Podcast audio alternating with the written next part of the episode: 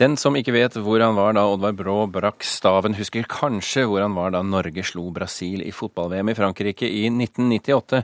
Så skjellsettende var denne hendelsen at det nå er blitt laget opera om den. Etter avspark på Operahuset i Nordfjord i 2010 hadde forestillingen premiere nå i helgen på Det Norske Teatret i Oslo.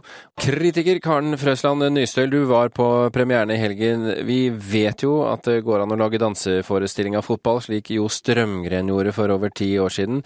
Men hvordan gjør man en fotballkamp om til opera? Da kjører man på med et uh, tjukt lag av både ironi og parodi, som de har gjort her. Denne fotballoperaen er, den er opera i form, men det er òg en parodi av operaformen og en parodi på, parodi på opera, vil jeg si.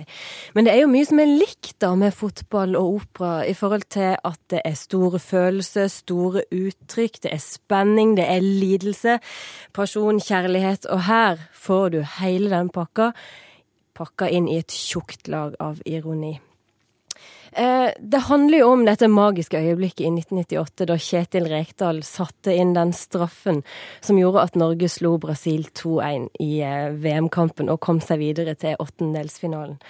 Og hele forestillinga starter med at du kommer inn på en fotballbane, nesten. Du setter deg i salen, og så er du på tribunen. Så er Fotballstadion er hele scenen, og scenen på Det Norske Teatret er stor, men nå har de tatt vekk de veggene som skuespillerne går inn og ut av, så de har utvida det på sidene, så det er, det er, en stor scene, altså. Og bakerst så er det en ny tribune der orkesteret sitter. Så det er kunstgress på hele scenen. Og forestillinga starter med fotballkampen på storskjerm, fram til øyeblikket der de blåser for straffe. Der står Rekdal klar, og så begynner forestillinga.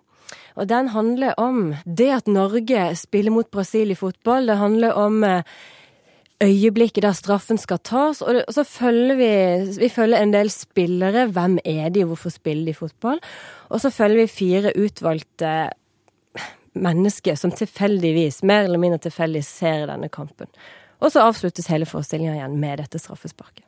For veldig mange så er jo denne fotballkampen er jo veldig alvorlig, men det kunne vel kanskje ikke vært alvorlig på scenen? Det måtte vel bli ironi?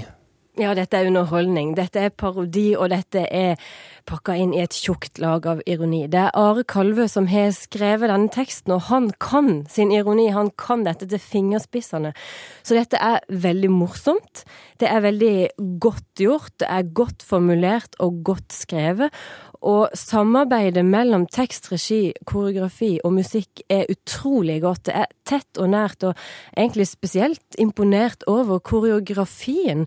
Hvor hvor flinke skuespillerne er til å bevege seg så nøyaktig i forhold til musikken til Helge Førde. Han har komponert den. Den er òg helt utrolig fin, og særlig instrumenteringa og arrangeringa. Valg av instrumenter. Det var et treblås og harpe i fotballkamp. Det er ikke vuvuzela her. Det er veldig fint gjort, altså. Men, men, men, er det noe som, eh, som likevel gjør at du eh, trekker konklusjonen litt ned? Ja, fordi dette er en fantastisk pakke. Det er utrolig underholdende. Men så har det ingen ingen substans. Det handler ikke om noen ting. De gjenskaper et stort øyeblikk, men de fyller det ikke med innhold. De sier ingenting om Jeg tenkte her snakker de snakker om nordmenn, eh, den lille nasjonen, vårt forhold til Brasil, vårt forhold til fotball, vårt forhold til oss sjøl. Hvor skal de dykke, hvor skal de grave? Og så dykker de ikke, så graver de ikke. Det, det er morsomt og gøy, altså. Men holder ikke det massevis av? Nei, det gjør ikke det når du setter det opp på teater. Det må være noe mer enn bare dette, syns i hvert fall jeg jeg, da, som kritiker. Man kan godt gå på teater og kose seg og le, og det gjør man hvis man går og ser denne forestillinga, men jeg tenker at det ligger nok spesielt i teksten. Jeg er nok litt skuffa over at Are Kalvø kjører såpass safe.